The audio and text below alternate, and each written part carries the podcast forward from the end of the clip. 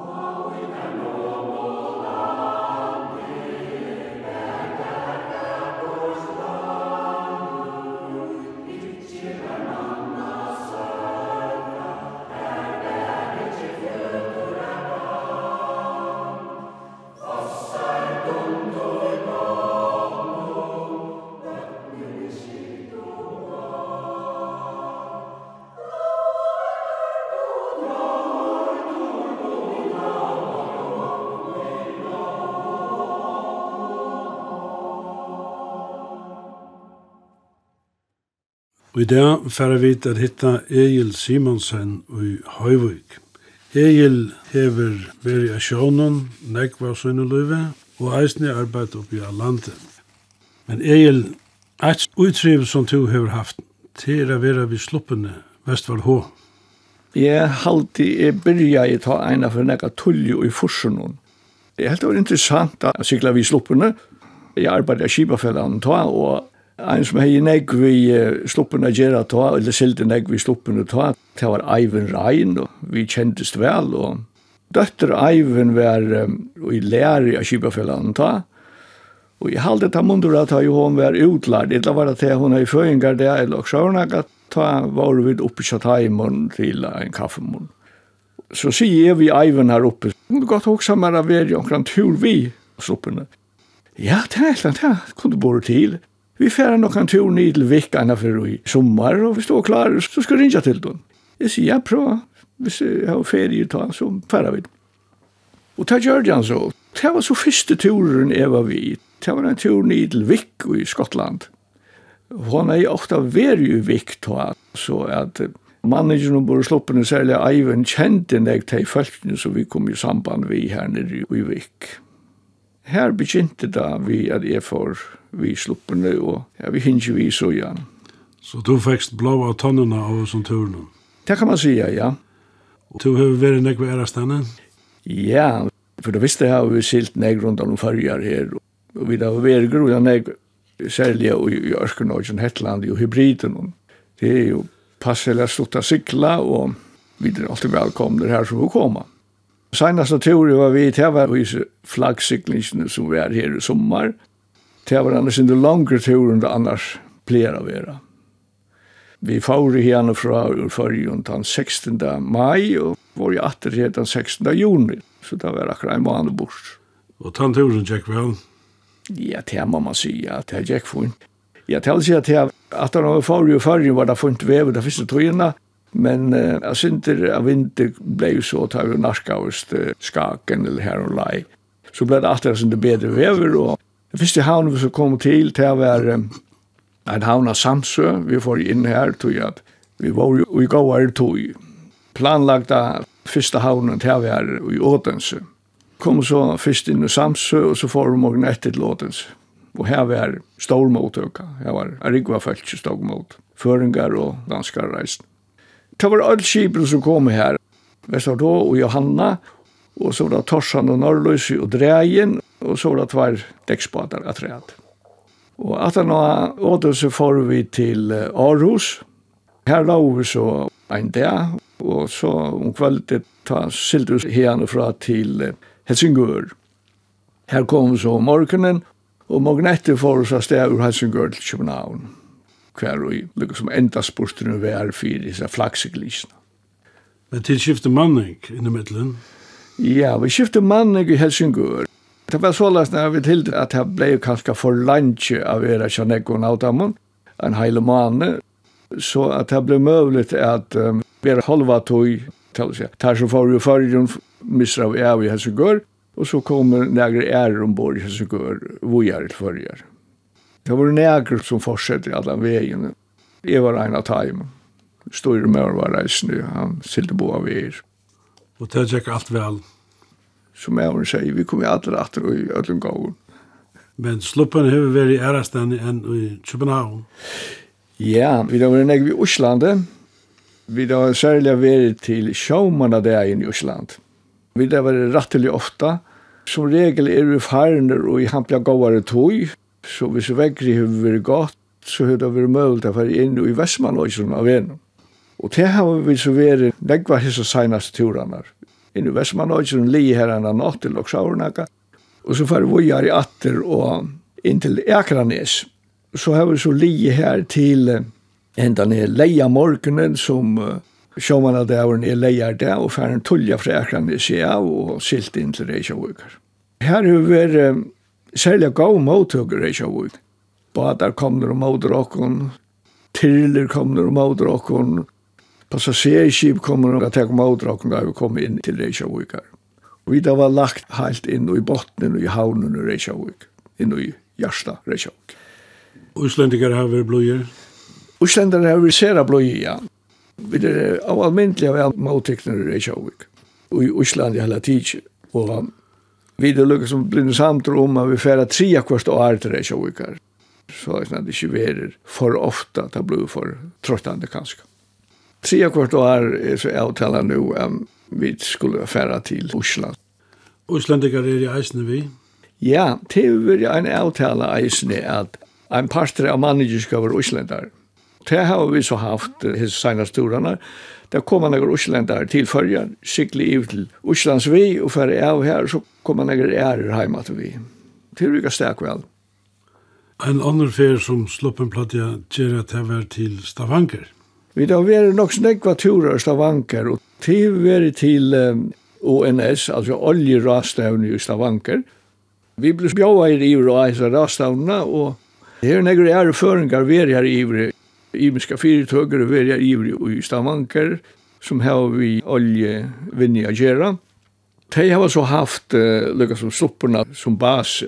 De kunne bjava falsk ombora at tås om ting som uh, er av interesse for det her.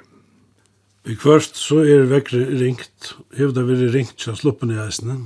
I kvart, ja, det er ikke vi fyrir. Ja, det finnes noen skia. Nei, ikke men jeg har vært vi, har vi finnes ikke noen skia av vekkere, nei. Det er så lagt at det er godt. Hvis man passer sin ro på, så ganger det nok. Det er ikke noen større skip akkurat, og man må takke hatt fyrt hui. Falskje som det har vi til er kunnot vi tøyliga sikling?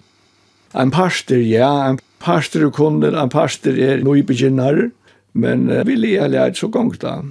Vi gikk av vakt og sånne. Og er det sommer som har vært i nekvarens her? Ja, det er nekker som har vært i nekvar vi, og det har hjulpet vel på det. Man hører vi kvart at det er ikke tungt at halta kipen. Det skal nekker penger til, og man skal tøyma grulig vel. Det er for vi nekvar tøy at halta sårkip. Tøy at um, vi skal heva nekka til at det er. Så det er nesten så at det må gjerast til det. Du kan ikke fære en forretning og kjeipa nekka beinleis. Du. Er jo fra 1844, så til en gammel dama. Hva er det neste de fære? Nå ständer hun akkur opp i beting nu og tar fære vi har skiftar några plankar ut av sugen i åne och tar gånger planmässiga. Men i sommar, ja, det har vært snack om att fære en tur ned till Hetlands. Här är ett um, Shetland Boat Week Holiday. Här er alle dere affärer nere i sommar. Jeg vet ikke om det ble tilnægget, det vet jeg ikke. Men videre så som jeg nere her til. Du bors i Høyvøy? Jeg bygger i Høyvøy, ja. Det er du ikke alltid gjørst? Nei. Altså, jeg er født i Høyvøy, 3. januar 1938. Vi har nok bo inn i middelen under krøynen i havn og i Løton. men uh, vi bor ikke oppe i Høyvøy det seneste togene og er en krøyne helt på at. Så nu gjør det fem og fjør til flottet vi så til havnar. Bo i tvørgøtte, så har vi vært tjejer av gammal. Så her er jeg lukket som oppvaksen i tog granna lennom. Og du var ute for tog av pavden var borster med en partner krunnen. Ja, han får nye til Danmarkar at uh, sikla, ta i krutjo av brustet, ja. Blei vi lukka som uh, verande nere her til han slapp kjopa til. Som vi hadde vita, så blei Danmark hersett av tyskaren og førje ble hersett av ansmånen. Så vi var lykka som fortjendar. Han ble verand i Danmark. Han kjepte seg en båt her, som han så begynte at regve ut vi her i Fredrikshavn og begynna vi, enda i Esbjerg. Det gikk han ble godt sjån, så han bygde seg en nødjan båt større, som han kallet for Høyvøyk. Her som båten kom han så opp vi under krøyen, og det er han trøy fjørt. Høyvåg var bygter i Helsingør, og en av verftet som jeg mener kallet for Helsingørverft. Gås han kom samband vi et av verftet, det vet jeg ikke, men sjálve badren ble bygter skrokkeren i Helsingør, og resten av montering av motor og annet sånt, det ble gjort i København. Han var mest til 34 tons brutto. Og hette vi vært så i 1943 om var i badren av livor. Alltså efter hånden så kom det flera föringar vi och sylte vi någon och tar som kom upp vi det var virkar, virkar flytta eller välbasta. Och så var det Leivor, Han var i Mykinese och en av glivren som är Schönfeldt. Tar var så vi av er heim. Och var det lätt att flytta ur Danmark till Färjön? Det var det nog inte. Alltså han fiskar som sagt ur fra Esbjerg och för att få en tur så köpte där olje Det fikk ikke noe olje som det ville hava. Men det sparte på oljena. Det sparte så sammen. Så en av fena så hilde der at nå stinga vi bare av. Og det var seg ut som vanligt bare til vanlig fiskaroi. Det snurra av. Og det var kavner ut mot marsjen og her som tar ikke et løyve til affæra fære langer. Så hilde der her og ikke så ikke vi fortsetter bare. Men tar det var kommer han synder och dom til marskis så kommer en torpedo i her eller så så torskaren og legger på sugen av den og bidrar fylja vi innater. Og det gjør det så. Det blir ikke lagt bolt og jad. Det blir det ikke. Det blir fyllt i nian og igen och höverstöd som torskaren hade ju i Esbjerg. Kvart här blev kroppsvisiterare och sätter i en kliv eller så. Her så det der en heiland det Så etter hånden ut av sarna parten, nå kommer så en tuskar til der og sier til hva skal han, nå kunne du om meg til bad. Tar for så om han atter, og danske fiskaren her i Esbjerg, tar stå ikke om han, er rundt lom og hukte, og tar fortalte ta at tuskaren hadde vært nere i lasten og lempa allan uisen rundt i lasten for jeg vet om tar kunde finna nekka. Men tar er så ikke funnet, og tar rycka seg så bara till för att steater. Og færre så steater. Jo, til fiskeskap som der annars atla og. Og ta fortsätta bara til förjar. Og där mötte onkel Skipen där kanske. da så kvartja ett eller Da Det da där så där var slupp her av Sandja bankan så var vi nir til Aberdeen marsket. Det var det da skipet där så. Det var så almindelig godt vever. Ta i ta silt, det kjalt med det, og desember måned det var ikke så nevnt å navigere til alt som det er det. så det var nøyde til innom middelen her for landkjenning. Og der kom og syklande i måter Aberdeen-leiene, og til kvölde som narska som måter her, ta for solen nyer og ta solen der tvei sånne fjöll akkurat i havsbrunna, og det var noe fjöll beint innanfor Aberdeen. Så nå visste jeg hver det var, og så sette kausene beint norr etter norr i hålet middelen Ørkenøyja og Shetlandsøyjana. Og der kom så havnene? Der kom havnene da sinde fyrir jævler i 1943, ja. Hvordan opplevde du det? Jo, det var ein telefon oppe i Høyvik, telefonstø, og det var ikke Johan Stalsgård. Her hadde det ringt nian, jeg sier til at papen må var kom. Og det kom en kone rennende nian til okkara, eller nian til Abba, om jeg vi boet, Jag fortäljer till her. Vi får så med launar. Sjön du omla kajina. og faktisk den første jeg minnest om till vi vi stod utanför Packhus i Kalalä. Det stora som är väck i det nedanför Café Natur. Här kommer Taisho så Gengant. Jeg minnes så løyde ju om hva det han gjør, Han ville se om det kom til morgen, Men jeg var alltså inte förskräckt. jag var inte väl vid att jag är inte ser han förr. Så han er ofta forarga mig at han at vi gøymte mig at han jeg kyrst ja mamma da han kom. Så fawr der alle ser inn i hotellet her, skarv. Han sier, jeg kan minnes om det. Det var det jeg var så løyden og alle disse mennene, det var så store, at jeg lukket som kregveis borster. Jeg ville bare slippe ut. Men han slapp så leiser endelig, altså men altså, tar vill det illa trick at uh, han kom till cykla heter det. uh, som ansmen så vi vet har var rej och ödlesen här och her. Her Helt kläpper i jøgnen och tar vi vidare da. Men så var det til at det enda i vi at har du sagt at ok, ok, nu kan du släppa til hus. Ja, man sier han, vi kunne ikke leta baten litt her. Dette var jo mitt og veteren, og vi kunne ikke leta baten litt av i runna og i havn. Vi må ha en teim hver regime kan ligge vi. Og det ble så bå sendt ut, det han og skrivstående at bilja hver teim han kunne få, jo, kunne få at han og ta en teimen. Og så fer jeg fra kajene, alt dette har vi finnes ikke fortalt seiten i sådant. Og skulle ha tega en teimen, men først fer jeg iver og måter kibasmin i det her, og råpa om ikke anker kom, kom rekva der land. Du tar høyde jo en gang gambad. Det var vanlig ta, Da man fortøya, så røpte der over kibasmina, og da hadde jeg alltid bare at han litt han her. Og da helt i sin andres med henne, det her, hadde jeg ikke funnet på å gjøre, hvis man ikke var kjendra stedan. Så ta jeg slupp og så til hus alle, ta var det fyra, ta var alle føringar. Ta slupp og så til hus, men uh, ta skulle si fra kvante at det var her. Til det virkar Frydal og Velbersen, han var en som var vi, han skulle genga til havna hva en dag. Det rikka ikke vel. Så det enda vet du, han kunne bare rinja og det glei så spekli ut. Skipet lå så her i havn ta, og pappa fikk vita til at hvis de ikke brukar baten, så teka ans med baten. Du tar det bruk for skipet. Jo, jo, men han sier, han at jeg drøy og fiskar og baten. Og tar fra så av sted første turen til Oslas, til Snorrvåte, til Sikveri en av februar måned. Og røyna så her i Ivra Solanden i Østland, Medlandsbukten i Langstad og Vesterfjøkjan her i Veitje.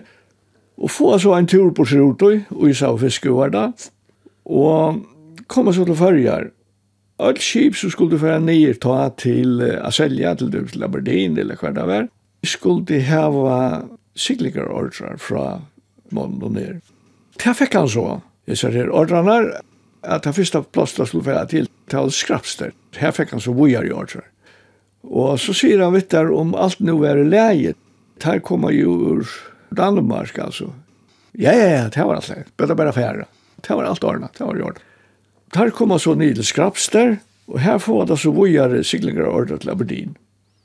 Ta et her og legger til kajen i Aberdeen, kjem militæri ombord til der her og sier at her nå skulle det land. Nå, ja, kvui, kvæt, kvæt, kvæt, kvæt, Nei, nei, det skulle bare land. Så sier pappa, vet du, ja, men altså, vi, vi må lete oss nøye oss. Ja, ja, til får han holde en tøyma. Ta et han holde en tøyma av affæren, færre der spekler i land, og vi har tog og enda nye i London. Og ble installerer her og igjen fyrvirrande kostskola. En sånn interneringsleir som han har forstått i sattene, at det var vi sånne folk som der ikke visste hva det skulle gjøre vi, som ikke hørte til en av visse kategorier av folk. Og her var det der i, tror jeg, for fem viker, nede i Skåskolan. Han tog seg i vittar, her var det ikke gjerne, inn kjemme nok, tog inn kjemme nok, og blev bare tog seg opp i län nærmest. Men så en av henne så kom der her og sa, vet du, nå kom der fære. Og hvis der ville nægge, man gav penger eller noe sånt, så kom det fære til en den her Christmas Møller, som var en slags representant for den danske regjeringen i Åtalanda. Og så sier han, vi har ikke brug for penger, vi har nok av penger, vi har vært selt fisk i Aberdeen, så vi mangler ikke penger. Tar for så av sted opp til Aberdeen, og så ombord av båten og til førje. Forresten, en av mannene som var vi, det var Pavabaismoen. Han var maskin med å vi. Han er ikke vært i Danmark. Han er li i Aberdeen, alle satøyene her, og passa båten. Og så kom der opp til farger, og tar fiska og vojar resten av røyren og, og tar nega problem. Hese bader som pappa kjepti oppi i uh, Fredrikshavn ta, og han fann og det av han slapp ikkje at til farger, så måtte han ha åkta gjerra, så fyrir han opp til Fredrikshavn, og her ser han en deilig fittan bad som han hadde kjeipa. Hese bader, det var en danskar som åtte igjen, han var blivna sin eldre, han hadde halde pæta fiskeskap, Han ville gjerne selja hvis pappa ville kjeipa. Pappa kjeipa så baten, og til han så løy til baten, han snurra i, jeg har snurrevått, og annars hei han dam i sin baten. Han fiska i flætfisk, og han var så korden i lastna, og flætfisk var livand. Mæveren som åtte baten, han ville gjerne være vi baten, og så fiska han der ut fra Fredrikshavn. Det var glad kallt om veteren under krøynen, og tog han i 41 og 42, ja. Det friste alt til i Kattegat. Så han flyttade til Esbjerg, fiskade ju fra Esbjerg. Och snurror var det sådana som våre att der enkla, eller kasta enkar ut ved en stor boj och så cyklade där tågen ut och så vodde och så cyklade där alltid till bojorna och så tega där hin ändan medan alt her fire ganger så sökte vodde och tågen ta sökte ner av bottnen och så begynner där spekli og halet etter her heim Tøyene gjør så til at han lukker som reger fisken spekler inn etter, og så enda fisken at du i vatten. Det måtte være pura slatte bottner der som det var. Hvis det var en steiner eller noe annet botten, så kunne det bli fast. Eina finna ble fast av dem. Det røyna alt mulig å få det løsta atter, men det er ikke. ikke. Og det eneste vi har ta å gjøre, det var at sleppa endan fra bøyene, Og så hiva av der skipet ivi til her så fast vær. Ta er nastan vuste bant nir, ta eksplodera jeg mina. Og ta vuste til vi vil jeg mina der vi fast roi. Jeg mina som er enkra først her. Pablo var ofta han fortelja sattne fra gos øyli sett vær og i skipen og ta etter sprongtist. All stemt tøys vær ombord brottnæje. Jeg var ikke heilt etter. Og bare for å leka, for å leka nok så illa. Motoren stekka i, akkurat av motoren og brottna i eisene. Han var så ferdig i maskinrummet i hitja, at han visste til at han sa hver og den store leken vi er. Han leser ur trøtjene og stappa i dette her og i det ringaste hålet som vi er her. Ta lek ikkje ut, ta lek fram i lastena, og i ta lastena som var fotla kjekve. Han fekk tett lekan så fratt at her pumpa og vi pumpen i noen, at han fikk motoren i gang. Hette her så datt på seg av motoren ta apparatet jeg fikk altså bunt på motoren atter, og fikk så hilde på at den lens. Og klara så å sikle inn Lesbjerg sjolv. Men eh, jeg la en baden også nær vi, han er seg etter her. Han var så kommet til så at Det er kanskje det store skjøyta lukka. Hesen bateren her, han, jeg har rønt å googla til så moderne googla, jeg har rønt å googla syndrom enn det her bateren. Bateren var bygd i Veili under Jandro Achan. Hvor var åttan til 41, det er vi ikke sutja, men uh, at han hava flere åttan av baten. Og det stod jo det, vet du, er at han ligger nere i kiel som en segelbater, som folk. Oppe i Jørgen og Seinas togjen har vi gjort om til en segelbat. Og det er nok stått litt. Så han er altså sagt 108 år nå. Og anker av tikkun hever vidjenda baten? Jo, ja, døtte mine og medvaranderne, de var nere i sommer, og de får få bo her i kiel. Folk som bor og han, deilige fytte bater og pener og Men her var ånden, så var jeg av på hatten, så hun er sett en, en segel, og hun har fortalt til at Abbi er i åtte av på hatten. Og at han var kommet hjem, så finnes jeg mail fra så får hun ner at det var stolt litt, og jeg var stolt men jag kunne hitske kunde og spårst om ikke, men han kunne få akkurat mer vite om henne baten. Då han visste hur det låg i smäller. Tuskar. Hvordan er det baten? han er hade greta där på på köpt igen. Så hever han nå i til flere nörn men nå eider han igen. Ta og i tredje var noen, Var skulle ringa tøyer og farger, løy til fiskeskaper og anchen prøyser for fisken. Papi er silt vi skipon, at förra år, han var skipare han var skip som var vågen. Og her hadde vært en ekva stedende fiske, og der var nærmest fiskaløys en ekva stedende, og andre priser, så ta der så krutsi brast ut ta fóru nekve føringar a sikla vi farmaskipen, du hevar pengar a tjena. Ta gjør det papi eisne. Han får nyer ta i 1930, og kom vi en dansk skipe som for det meste silt i middelen Estesund og England og København vi kåle. Det var så løs at jeg tar i krutjøver brostia, silte negre av sinne skipen og farmaskipen, da silte jo konvojen. Esa sa konvojen er begynt om London-leiene og sildi upp vi Essestranden og Brettlandet. og grulja ofte om mittlen Hetland og Ørkenøyjar og Norrom og så iver om til Norra og så sov vi norske strandene til Essekjekven og æra sen her som det skuld. Konvojina var vartar av krukkskipet som sildi saman vitt Som jag alltså skipen och sjön sjående kom jo ut då sylte han løte samma vi eller han tog samma vi og så får det fra att det og så han var det alla vägen i jöknen. Alltså han kom var ju kunde vara en 40 skip också. Så hesa ferna tar ju Torskan Lobi og Danmark og norra han morgenen, Ta var henda konvojen kom en uh, norr om Hetland eller her om Lai.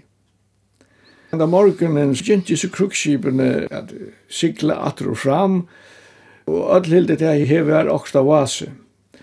Og ta frattar til at tuskarna høyde lob i at Danmark og Norra. Så krukskipene rumte bæra at konvojen lukka som blei given opp, given opp for skotelum og som man sier. Nek vi altså kipen og teg som jeg hadde vendt i atter til England, og som jeg da for til Amerika, og kom til Førjar, Osland, Og hese kipen, og hese kipen som pappa var vi, han visste ikke røyla hva hva det skulle gjøre, altså, da måtte selv uttakka støv hva det skulle gjøre ombord. Men han held til at papurene visste at han skulle til København, så han held til at det kunne ikke være skarpt bare for til København.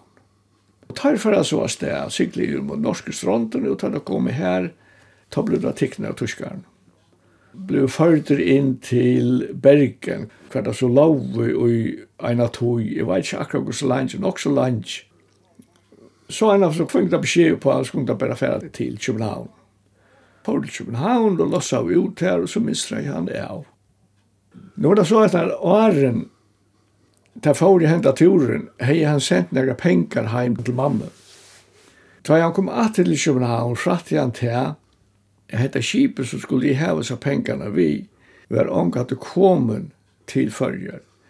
Det var færre i København, det var sin drottningen, drottning Alexandrina, Og da hun kom opp til Skaka ble hun ført innatid til Fredrikshavn. Og han fer så til Fredrikshavn, Gussian og seg, ja, det var jeg ikke, men han fikk så fædre ui som penger Og for hese pengene kjøpte han så hentan her ut av baten som han så begynte jeg fiska vi her. Fyrst fra Fredrikshavn og så eisen fra Esbjerg. Hørte tid noe samband vi han i Saturina? Nei, altså pappa får en sted, og at han og han var ferdig en sted, var ikke samband. Vi var fyra syskjen da jeg var yngst, og mamma hun bor i sja, så hun sa om og appa, så hun var foreldren. Vi fyra bøtten, og så det var ikke vi nekka særlig latt sjående. Det var jo ikke penger å få. Hva Hvem var mamma din? Hun var i Sandavai, og født i Sandavai i 1908. Hon kom nok til Høyugar som ung, fyrst til bøndan her, Mores mor, ganske som uh, Høyinga og Sjårnaga, og sattene ble hun så gongskjenta av sanatorien, og her er nok teg kommer sammen. De giftes hun gjør 32, og nega sattene, sikkert i 34, vil også 35 kanskje, her var det så kjett i husene i Tvørgøtt, Han skulle jo prunnelige ikke være sjømøver. Ja, da han var unger, da var det jo mest vanlig at dranger, da det var 1. januar, og så han kom med deg, så skulle det være chips. Det var det mest vanlige. Men jeg vet ikke, om jeg hadde sagt noe vi, han slapp ikke chips, han skulle lære også annet først. Han får så at arbeide som timbermæver. Det var ikke ordentlig lære tog, men det var det kanskje lukket vel. Det var ikke på pyrer på at eller noe, og han var så i lære i fyra år som timmermæver. Ta jeg så var 18 år. Ta for han så til Kips, ta lukka som rådde han seg selv. Og første Kip har vi, ta var vi en som er at Hoppet, det var kallet for Kina-jotten, det var en mæver som er han sjakk i Kina, som åtte Kip. Han var vi flere Kip, men han var mest vi hisse Kina-jotten. Han kallet henne bare for Kina-jotten. Så får han upp på skola. Dok stormar sig samen 1932. Det har alltid vera tre ferier det var stormar sig samen och i färgen. Og så får han nier at han har tid stormar seg samen og tog um, skipsförexamen i Danmark. Ein tur som han var vi Svalbard, eller Bjartnøytna er vi nok snakk omrøtter. Ja, han var vi våtne, Og den ene turen til var jeg ivrig, det var nærmest fiskaløys, og ikke kjip fikk næka her ivrig, og da jeg så togjen var ute, togjen var av, så skulle jeg for å sykle heim. Jeg vet ikke om dere hadde sett kaos heim eller ikke, men det var omtale leie, nå uh, brottna motorer. Det var nu ikke den store motoren akkurat, men det var så en motorer, og han brottna i alle som han var. Det var ikke å gjøre han går ikke gjøre så stand. Derfor altså inn i Svalbard og prioritere til en lang reise heim. Og sette så segl og begynne å sykle heim. Råkna vi etter å være noen langre turer. Og der har vi skilt meg en døgn eller hva det var. Nå brottna masteren. Så nå var det god råd over. Masteren brottna i beint om av fri gøsse. Men der fikk rikka seg størst til, så lest der är att det ble bara nägg minne. Men resten av masten, den nye stuppen, han stod etter. Så tar silt i heim på tammata. Og i halde det brukte fem viker heim. Det var nek folk ikke råkna vi for å komme at alt. Men uh, det lukkaist. Du nevnte det at tid flott i omanretter i Tvørgøte. Vi flott i omanretter i Tvørgøte i 1945. Da er vi jo tjej år gammal. Men året vi flott då, hei er fyllt tjej år, og januar månad. Det var så lätt att ta, att man var tjej år skulle man i skolan. Og jeg får så i skolan oppe i Høyvog, som var altså i kjallaren til om og appa. Så jeg gikk tja hese her Sanne Olsen, Sanna Mælaren til Nølsi, jeg lod i holdt og er inntil sommerferien. Det var en lærer, lærerinta som det er at ta, Jeg aldri hun var nok så streng. Men bøttene gikk så i skole her annakvann det. Hun var lærer i Høyvuk og Kvitanese. Annakvann i Høyvuk, annakvann i Kvitanese. Og hun boi ut av regnet i havn. Så hun gikk annakvann det av regnet til Høyvukare skole og annakvann det av regnet til Kvitanese skole. Det var en ordentlig gongt. Hon var lærer i herrans år. Så hon var ikke nekka særlig ung ta eina, for hon var av vet til kvidanesar, og ta vær illver, høgt kævar og kom også illa fyri her, var ikke må viltist la kvæt, men hon vende så vi at omma var deit ta, Abbe var ensam der inne, hon kom så inn til han hver hon var nærmast var det i livande, av kulta og maktasløys. Hon ble omgatt i ordentlig lærer i atna til, mest av det, ja. Så får jeg skole i havn og i kommunskolen, første klasse og nere av Vaklunnen. Jeg fikk jo nek vimtfolk i havn på en av veien her rundt om her så vidt bo. Her var nek ungfolk som var noenlunda samme alder som jeg. Særlig fikk en vimmann som ikke bo fast her, Johannes, Johannes Gale, sånne Sigfrid, vi var grannar, han kom til havnar og kvar i somre, så vi var nek saman. Hver annan var her, Jeg var sånn jeg ung folk, da, August og så her. Og tog i nabolæren. Lisbeth Petersen, hun bor bare til Ureau her. Osla Petersen, Osla døtte til Torsten Petersen, vi var i samme klasse. Så her var nekve grannar, ja. Da de var i Ebeltoft i sommer, da ble du mynter etter at det gamle grannarleien nere i Tvørgøten. Vi har vel lov her i Ebeltoft, men jeg er folk som bor og vidtjei. Det var det alle stedene forresten.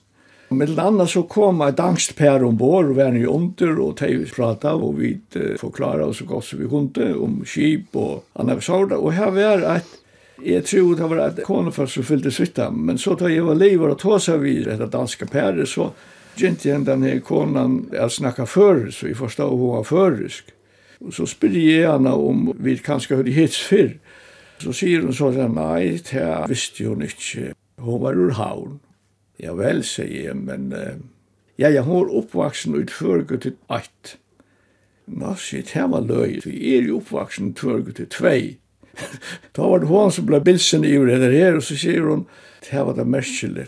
Men jeg sier, vi flutti iver i RCF-skøte, så tog vi kanskje være noe ung da, jeg er så mye eldre enn to. Og det var vist å det var Britt, Britt Bensen, som altså bor jo i tvørgått i eit, da jeg vit flott i iver og jeg er sjeferskott. Hon hei som var gift i Danmark, jeg hadde mer og mer deier for korsten, og jeg aldri bo i Mariaker i Jylland. Kommunskolen har vært avhåverter? Jeg vil jo ikke si at jeg var så avhåver i skolen, det har jeg omgatt å Men jeg kom så i jøkna av skolen, og da jeg så kjente klasse var livet, så får jeg i primærskolen.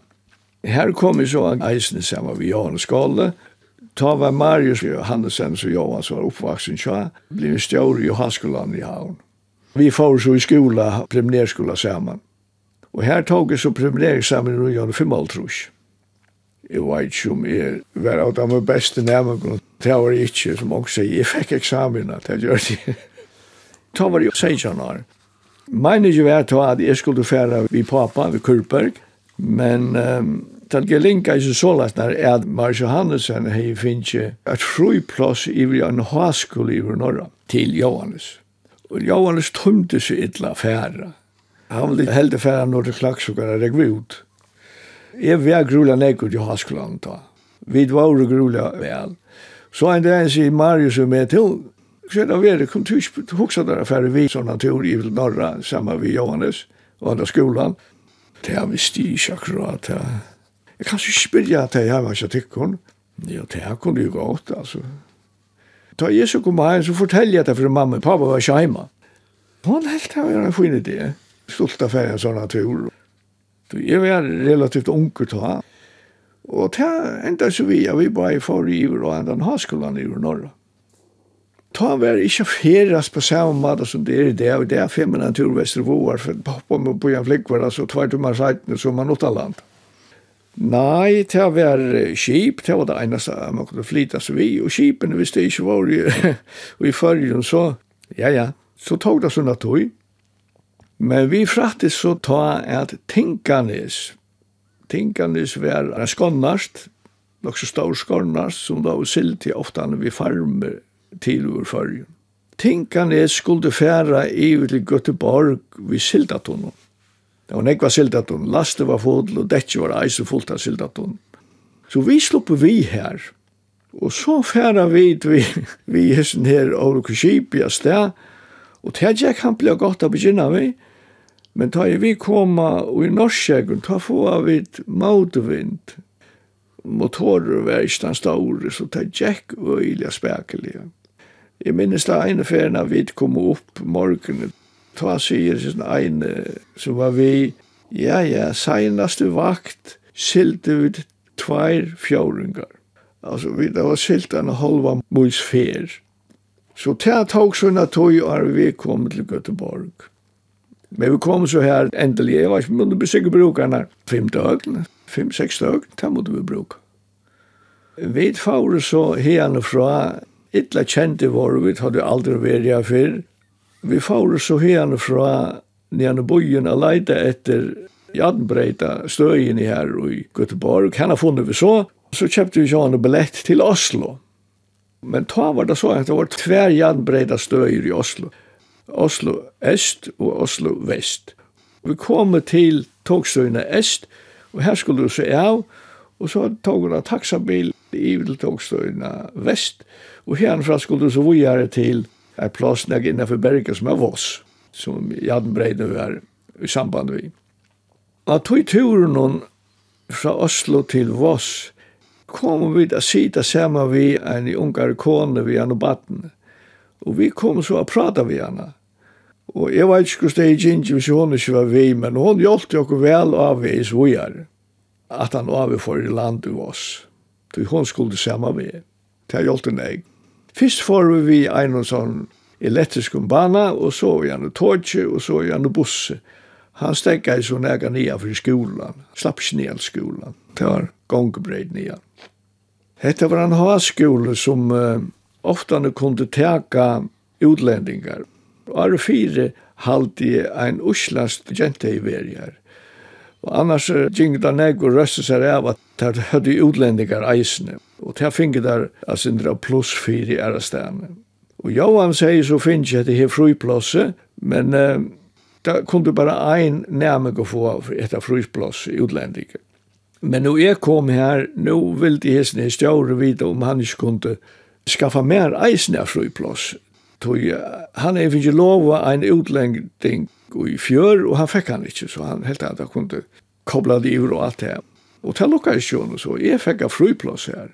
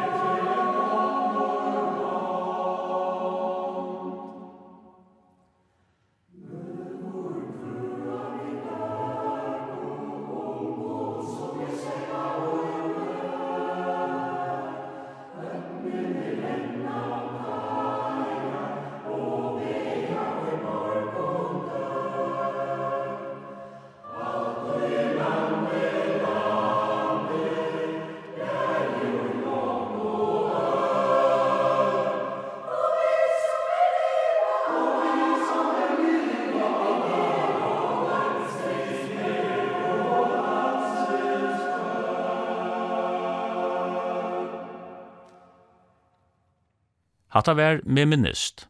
Jeg var narki hitte Egil Simonsen i Høyvøyk. Fyrsta sending.